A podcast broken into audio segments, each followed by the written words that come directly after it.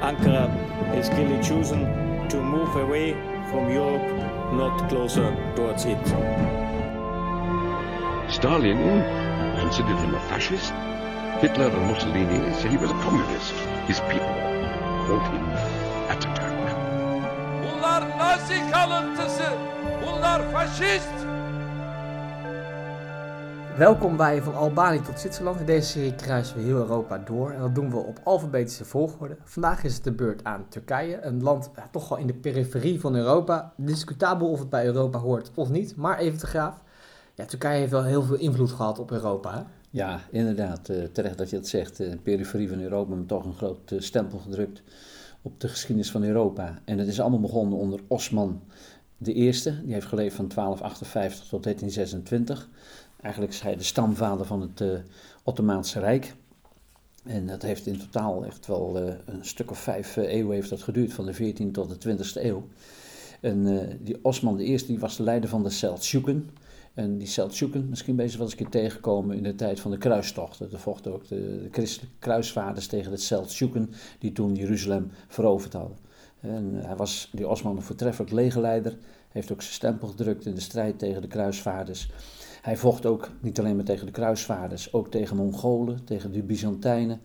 En uh, onder zijn uh, bewind en ook zijn opvolgers werd er een wereldrijk opgebouwd. Ze veroverden grote delen, de jihad, heilige oorlog, het Midden-Oosten, in Azië, in Europa, met name Midden-Europa, Oost-Europa en in Noord-Afrika. Het was werkelijk een wereldrijk en dat uh, ja, heeft eeuwenlang kunnen standhouden. Ja, en eigenlijk bestaat deze aflevering uit twee delen. We beginnen bij het Ottomaanse Rijk. Daarna gaan we over naar Turkije, uh, de, de, opvolger. Uh, we beginnen dus bij de Ottomanen. U zei al even van het, heeft echt, uh, het is echt een wereldrijk geworden. Wat maakte die Ottomanen zo succesvol? Ja, ze hebben ook heel goed weten te profiteren van de onderlinge verdeeldheid in de gebieden die ze moesten veroveren. Daar had je dan geen centrale macht en ze wisten allerlei mogelijke stammen tegen elkaar uit te spelen. Ze hebben ook de bevolking uh, jarenlang onderdrukt. Uh, uh, die machthebbers daar in die gebieden. En toen de Ottomanen kwamen, werden ze met open armen ontvangen en gezien als een soort bevrijders. En wat deden ze in het begin? hebben ze echt een heel ja, gematigd bevind bezettingsmacht afgekondigd, de belastingen werden verlaagd, privileges van de oude adel die werden afgeschaft. En dat uh, stemde heel veel mensen die er woonden echt ja, positief ten opzichte van de Osmanen, de Turken. Ze waren toen vrij tolerant, wat we tegenwoordig juist allemaal bestrijden van die intolerantie van de islam. Dat is iets van de laatste tijd. Dat was toen in die periode heel anders dan, dan op het ogenblik. En ze hadden natuurlijk ook een heel goed georganiseerd leger, beter dan al die andere stammen waar ze tegen moesten vechten. En uh, met dat geweldige leger hebben ze natuurlijk hele bijzondere grote veldslagen geleverd hier in Europa. En daardoor ook voet aan de grond gekregen. Slag op het Merelveld, Kosovo, 28 juni 1389. De slag bij Mohacs, 1526. toen is echt dat hele gebied ja, onder de voet gelopen, ook in Midden-Europa en Oost-Europa op de Balkan. En dat is toen Mohammedaans geworden. Ja, Um, dan is er in 1683 het beleg van Wenen. Dat wordt wel het sleutelmoment in de Europese geschiedenis gezien. Volgens mij haalde Kees van der Staaij uh, onlangs nog aan. Um, maar dat, beleg van Wenen, dat is echt dat is wel de, de, de grens van, van de, islamitische macht in Europa wordt daar bereikt. Ja, uh, ze dreigden toen inderdaad al eerder in 1529. Dat was uh, toen de eerste poging, stonden ze ook voor de poorten van Wenen onder een zekere Suleiman.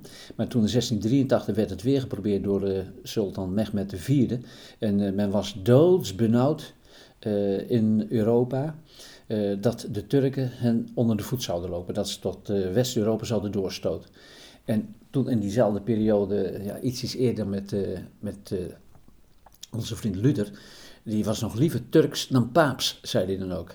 Je kunt zien dat toen die Turken al zo op, ja, aan winnende hand waren, dat het leek dat ze heel Europa in handen zouden krijgen. Maar dat is toen afgeweerd, die bezetting van Europa, doordat ze de nederlaag leden in 1683. 138.000 Turken en Krim-Tataren, die werden toen door het leger van het Heilige Roomse Rijk, de Duitse naties, werden ze verslagen. Uh, ontzettingsleger kwam ook nog gauw uh, toegesneld. 80.000 uh, mannen uit met name Duitsland. En dat bracht de ommekeer. En je zou eigenlijk kunnen zeggen, 1683, dat is dan die twee maanden durende strijd geweest van 14 juli tot en met 12 september. Kun je een beetje vergelijken met D-Day. Dat was het begin van het einde. Toen werden ze daar verslagen. Ze waren nog niet helemaal natuurlijk verpletterd. Het uh, Nazi-rijk ook niet. Het heeft nog geduurd van 6 juni 1944 tot en met uh, 8 mei 1945 in Nederland 5 mei. Maar het was het begin van het einde. Ja, um, dan zie je op YouTube heb je een mooie kaartje van het Ottomaanse Rijk. En als je dan, kan je snel afspelen, dan zie je hoe groot het is. Het is echt enorm. Enorm. Uh, 1683 is dan eigenlijk wel nog de grens bereikt. Dan zakt het iets in en in 1900 valt het eigenlijk in, in no time in elkaar. Hè? Ja. Hoe kan dat? Ja, dat is dan het verval van het Turkse Rijk. De zieke man van Europa werd het genoemd.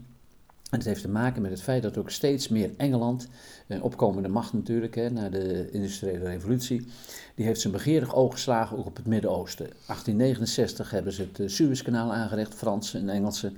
Ferdinand de Lesseps wordt dan geopend. En dan ook nog eens een keer rond 1900 voor de eerste keer dat men olie vindt, ook in het Midden-Oosten.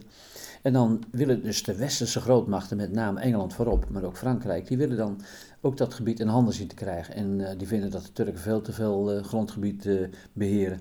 En dan zie je dus dat imperialisme, het streven naar kolonies, ook met name in die gebieden, hè, plaatsvinden.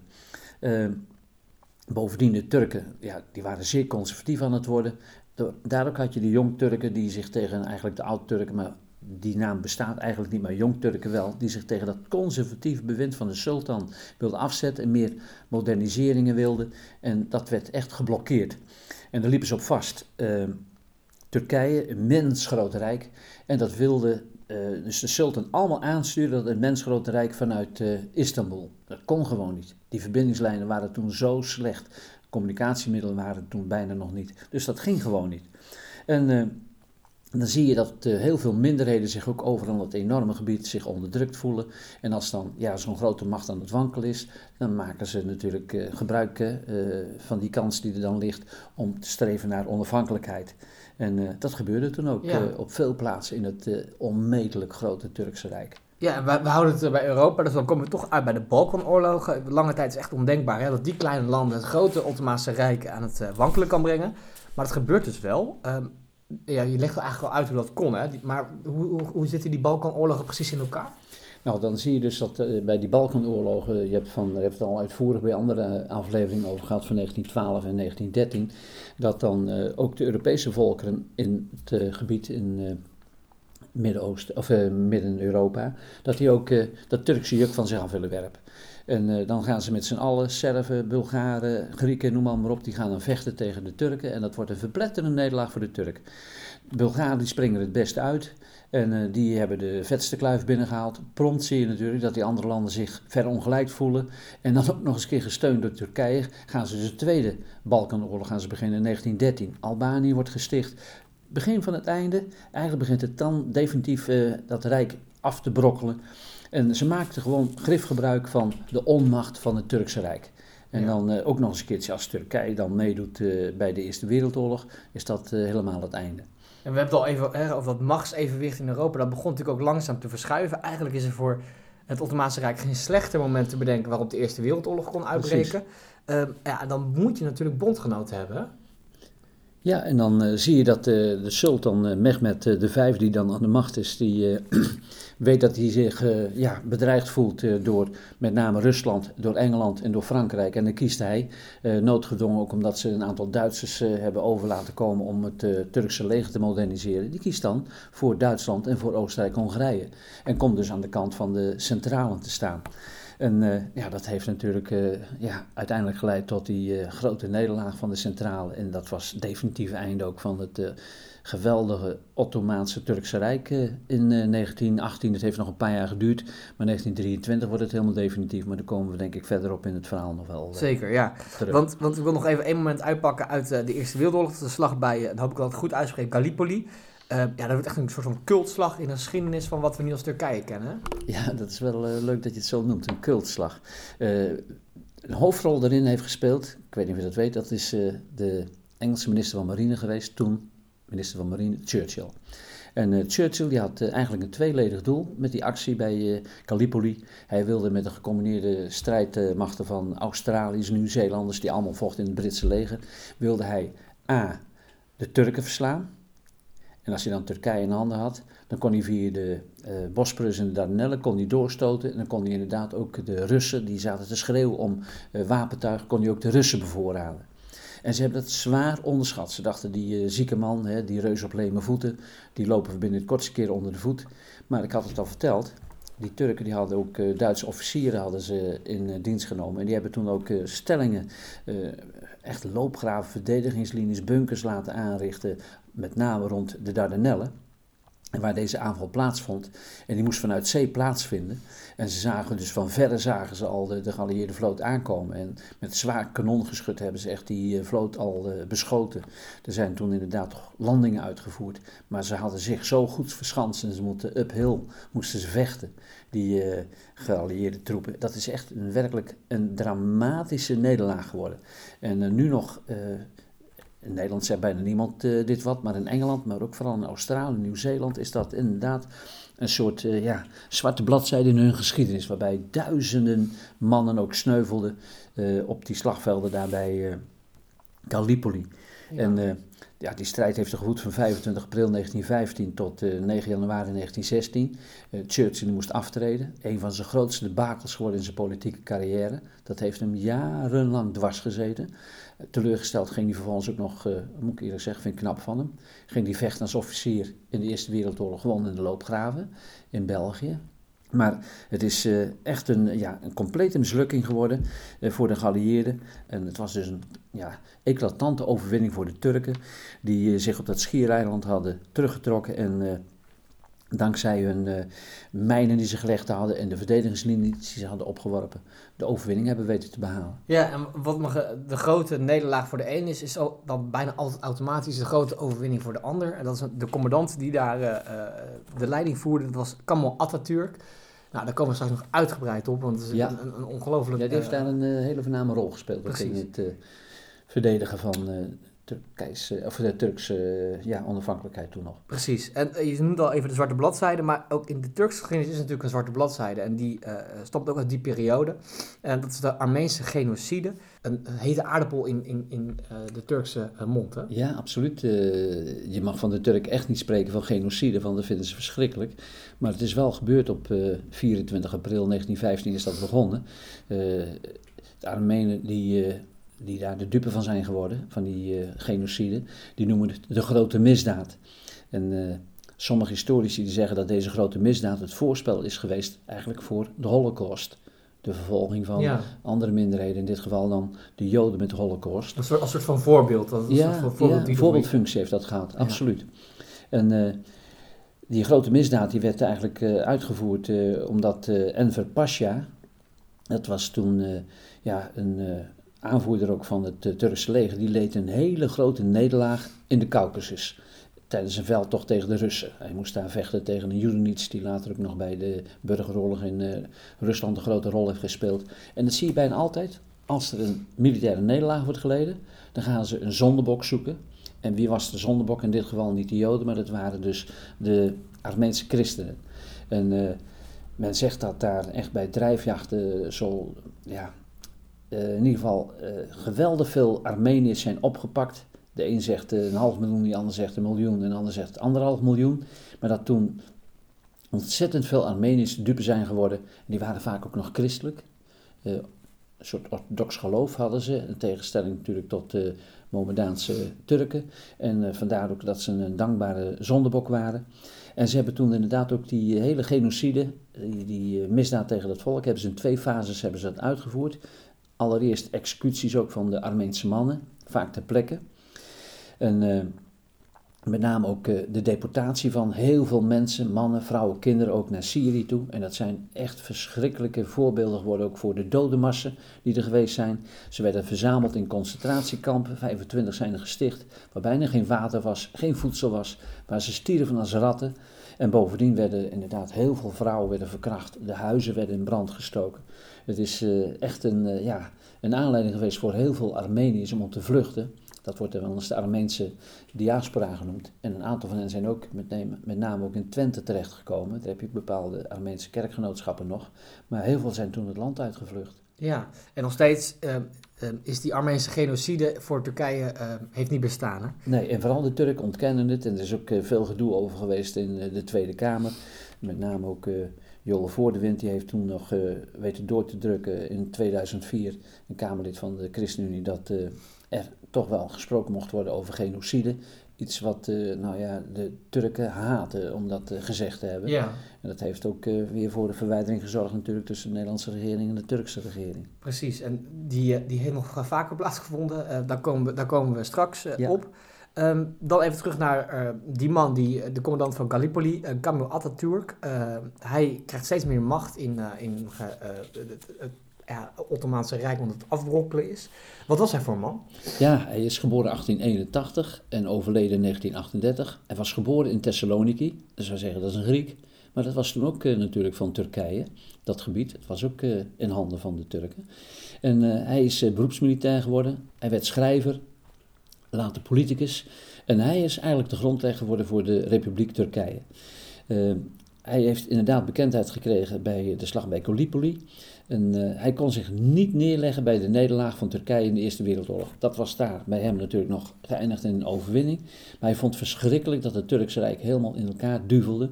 En uh, met name, je kunt hem ook een klein beetje rekenen tot de jong Turken die allerlei hervormingen wilden doorvoeren in, in met name ook zijn land.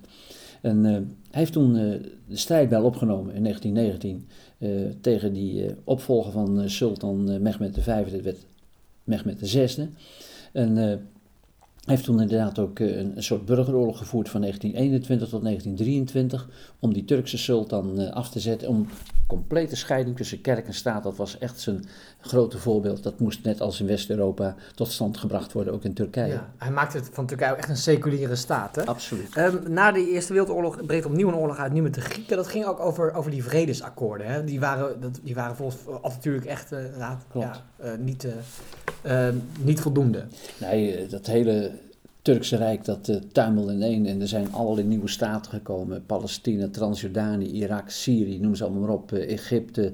Uh, het viel helemaal uiteen. En dat, dat zat hem natuurlijk niet lekker. En bovendien zat er nog een, eigenlijk een graad in, in de keel, dat waren de, de, Grieken. En die Grieken hadden deels nog meegevochten, ook in de Eerste Wereldoorlog aan de kant van de, de Galieerden. En die, die zaten nou, ik geloof dat er wel een paar miljoen woonden op de kust van Klein-Azië. Efeze, Smyrna, weet je wel, dat was echt, toen een tijd werd dat genoemd Klein Griekenland. En uh, nou, Mustafa Kemal Atatürk die uh, vond dat het uh, eigenlijk Turks gebied was. En die heeft toen gezegd, we gaan die Grieken eruit schoppen. En dat is toen ook gebeurd. En er zijn toen ook heel veel Grieken zijn uit Klein-Azië weggevlucht. En die zijn zich gaan vestigen, met name ook in Athene. voor 1921 was het nog 1923 een vrij kleine stad. Maar toen kwamen al die gevluchte Grieken daar uh, dus terecht. Toen is het een miljoenenstad geworden. En hij wist inderdaad uh, met zijn leger, wist hij de Grieken te verslaan. En maakte ook meteen een einde aan het sultanaat. En heeft dus de sultan afgeschaft en stichtte een seculiere staat waar hij altijd van gedroomd had.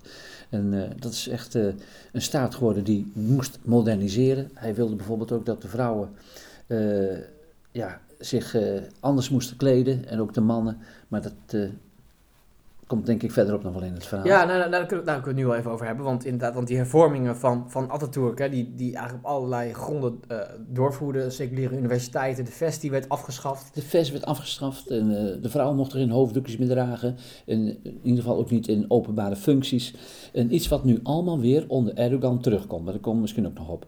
En uh, hij stond zelfs het gebruik van alcohol toe. Hij was zelf een notoren innemer van whisky. Hij was een grote whiskyfan, onze vriend Atatürk, sommigen zeggen dat hij zich heeft doodgedronken, heeft bijvoorbeeld ook het Latijnse schrift ingevoerd. Echt, het moest een moderne westerse staat worden en niet zo'n achtergebleven, achtergebleven islamitische staat die het altijd was geweest. Hij probeerde eigenlijk in een paar jaar in te halen wat ze daarvoor een paar honderd jaar eigenlijk niet hebben gedaan en waardoor ze ook zo uh, verouderd waren. Ja, klopt. En toen kreeg je ook uh, de eretitel van Atatürk en dat is zoiets als uh, Willem van Oranje, de vader des vaderlands, vader van alle Turken. Dat is toen zijn eretitel geworden.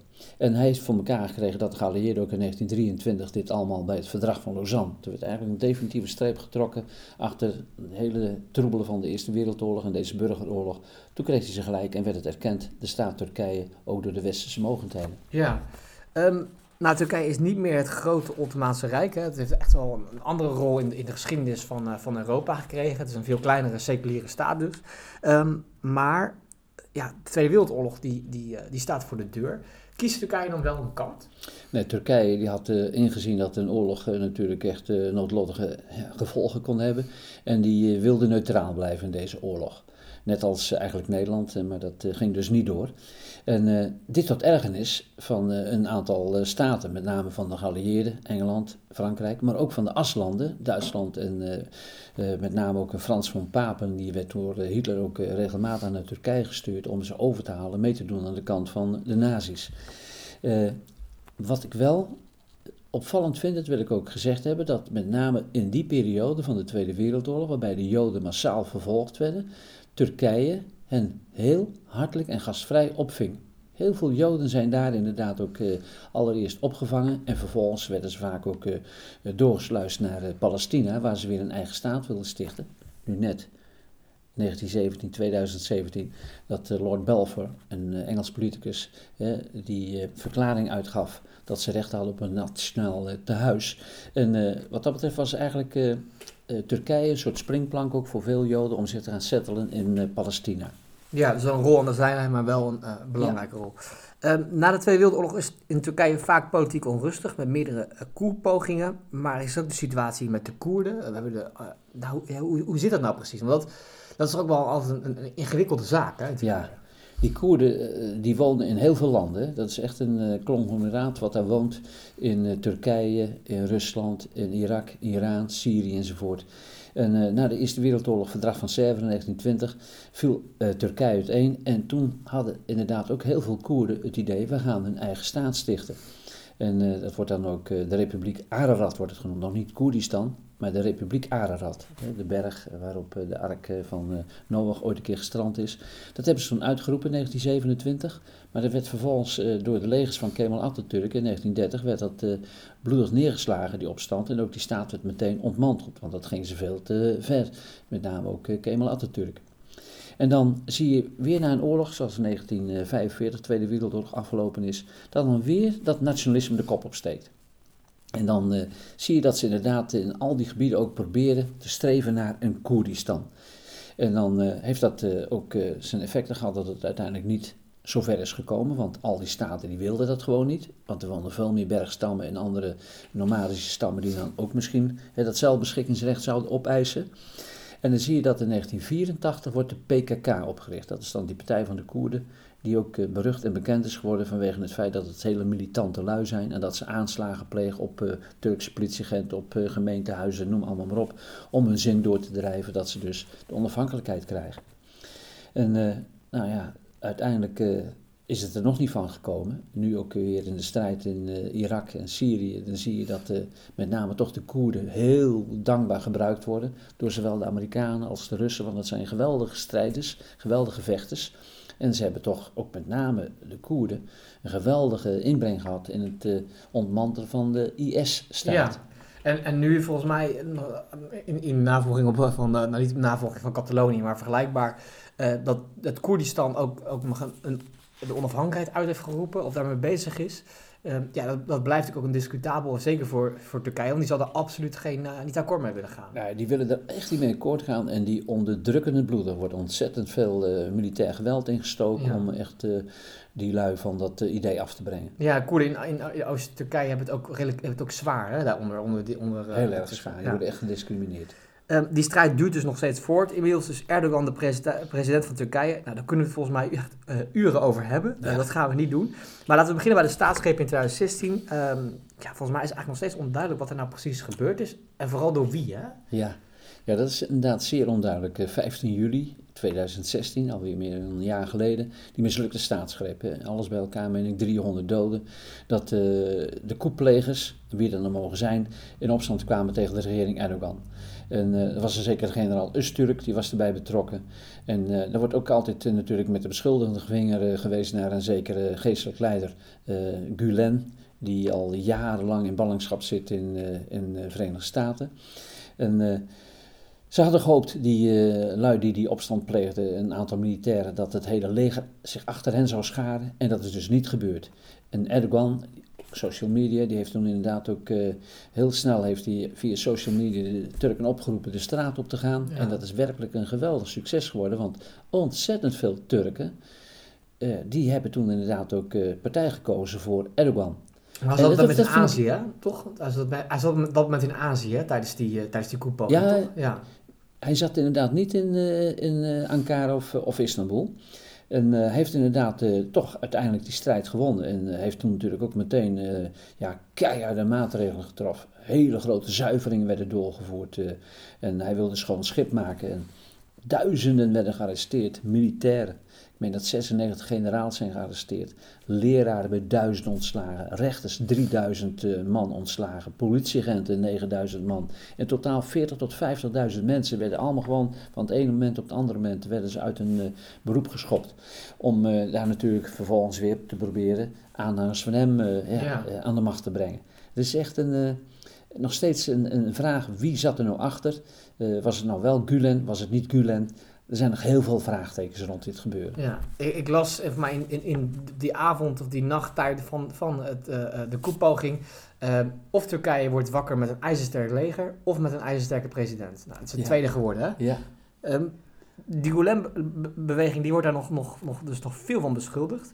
En aanhangers van die stroming hebben het zwaar. Kunnen zelfs in Nederland in de problemen komen. Ja, wat is dat eigenlijk voor, voor stroming? ja die eh Fethullah Gulen, hij is geboren in 1941 en leeft dus nu nog, eh, ik meen, in, eh, in Michigan.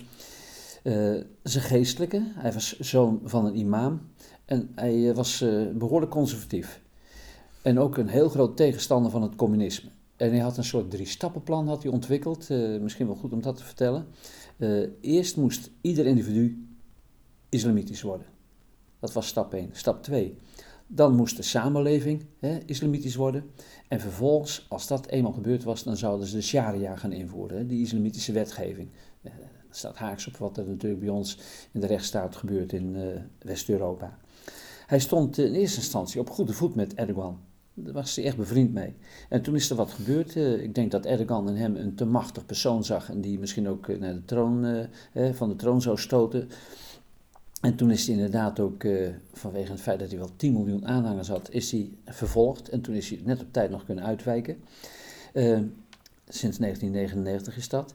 En eh, ja, hij wordt gewoon gehaat door met name de conservatieve Erdogan en de zijnen. En ja, er gingen zelfs geruchten dat Trump benaderd was om met een zekere Flynn, een van die adviseurs van Trump, om deze man eh, Gulen te laten arresteren en uiteindelijk weer over te brengen naar Turkije. Ja, De en- een zegt dat het waar is, de ander zegt weer dat het fake news is. Maar het is wel eh, heftig wat er inderdaad allemaal gebeurt in Turkije op dit moment. Ja, en dan is er natuurlijk nog dat, eh, dat referendum voor meer macht voor Erdogan. Met die hele situatie in Rotterdam. Ja, en dat tussen twee NAVO-landen, dat is eigenlijk wel tamelijk bizar. Hè? Dat, Ja, goed dat je dat zegt. Dat eh, referendum was in 2017 op 16 april. En dan mochten niet alleen de Turken in Turkije overstemmen, maar ook de Turken, die vaak een dubbel paspoort hadden. Ook in Nederland natuurlijk en in andere delen van Europa. Ook in Duitsland zitten natuurlijk heel veel eh, Turken. En eh, toen eh, hadden ze dat inderdaad eh, ook eh, georganiseerd. En dat wilden ze inderdaad ook met veel machtsvertoon wilden ze het ook hier in Nederland eigenlijk laten plaatsvinden. En er moest dan ook een Turkse minister, een vrouwelijke minister, moest vanuit Duitsland hier naar Rotterdam gebracht worden. Om die mensen, die haar aanhangers natuurlijk op te jut om vooral te gaan stemmen voor het steunen van Erdogan.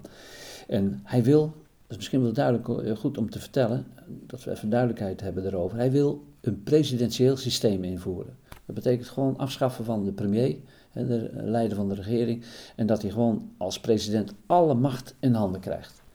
En eh, je ziet het ook, megalomane trekken, heeft een idioot groot eh, paleis heeft hij laten bouwen met meer dan 700 kamers. Eh, echt trekjes aan het Ceausescu en andere grote dictatoren. En hij wilde gewoon nog een keer dat ook de Turken in het buitenland eh, hem zouden steunen. En dat heeft toen geleid tot die ja, afstotelijke rel bij ons in, in eh, Ja. Dat voor- en tegenstanders van eh Atatürk eh, de straat op gingen. En dat eh, met name ook de Nederlandse regering uiteindelijk ja, toch wel zich schrap zette. En heeft gezegd, kom op, die vrouw die willen we niet voor politieke doeleinden het land binnen laten komen. Dat ze nog eens een keertje propaganda voor Erdogan zal maken. Met name Abu Talib heeft dat ook goed gespeeld, denk ik. ja. En dat is toch weer ontaard in een ordinaire rel tussen Nederland en Turkije. Precies. Maar eh, eerst wordt Sohanoglu wordt, wordt geweigerd, dan wordt Kaya wordt teruggestuurd, de andere minister in, in haar eigen auto. Eh, ja, dat is misschien ook wel, wel heel scherp hoe Nederland reageerde. Dus dat is wel... Dat wel eh, Nou, ik heb er wel eh, in dit geval wel eh, ja, waardering voor dat het zo is aangepakt. dat we laten zien wie de basis is in, in Nederland. En ik erger me er gewoon aan dat heel veel Turken zeggen het is onze president, terwijl ze in Nederland wonen en hebben ze het over Erdogan. Ik denk, nou, hoe kun je dat zeggen? Je bent of Nederlander of je bent Turk. Kan moet je gevoelsmatig, ja, kijk, als je gevoelsmatig een, een, band hebt met Turkije, kan het natuurlijk heel goed zijn. Tuurlijk, Dat betekent natuurlijk niet dat, maar- dat Rutte dan niet automatisch je president Maar is. het is niet hun president. Onze premier is Rutte en onze regering die heeft het hiervoor Ja. te zeggen, niet Erdogan. Eh, Je kan het, dat, dat kan niet naast elkaar eh, bestaan. Nee, dat vind ik van niet. Oké. Ehm, nou, Erdogan reageerde furieus. Hè? Ehm, Nazi-overblijfselen, fascisten. Ja, dat is ook wel zijn stijl misschien, maar het is al, was wel heel, eh heel Ja. Hij, eh, grootspraak, eh, dat is hem niet vreemd natuurlijk. Hij is geboren in 1954 in volkswijk in Istanbul. Hij was een begenadigd voetballer. Ik ben ik even kwijt welke, partij, welke voetbalclub hij eh, koos. Ik denk Fenerbahce, maar dat weet ik niet helemaal zeker. En hij werd leider van de AK-partij. En eh, hij is toen steeds meer geradicaliseerd. Eh, hij werd steeds religieuzer. Vrouwen die moesten dus die hoofdbedekking weer dragen. En eh, hij wilde de verwestersing wilde die terugdringen. En meer islam en minder democratie in het land. Absoluut, kun je rustig stellen. Hij verstond megalomane trekken, vertelde het al. Dat grote paleis, dictatoriale trekken, censuur, krantenverboden, invallen hè, in krantenbureaus enzovoort. Geweld wordt niet geschuwd. Geen vrijheid meer van vereniging en vergadering.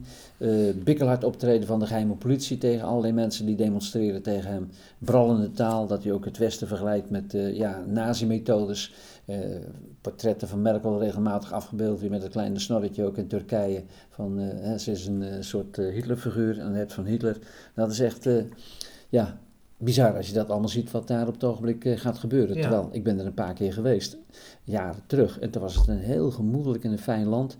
En je hoort toch ook wel geruchten dat het ook maar een nipte meerderheid nog is in, eh, in Turkije. Dat een kleine meerderheid ja, voor eigenlijk eh, al die ideeën van Erdogan is. Maar ook een heleboel, met name in de steden, die hebben er helemaal niks mee. Die vinden het eh, bizar wat hij allemaal wil doorvoeren. Precies, eh, met de Gezi-demonstratie. Ja, Ja, precies. Ja. Ehm, eh, toch, dan is er ook nog de Turkije-deal. Ja, daar gaan we het niet over hebben. ehm, want het, het is eigenlijk te veel hè, wat er allemaal de laatste jaren in Turkije gebeurt.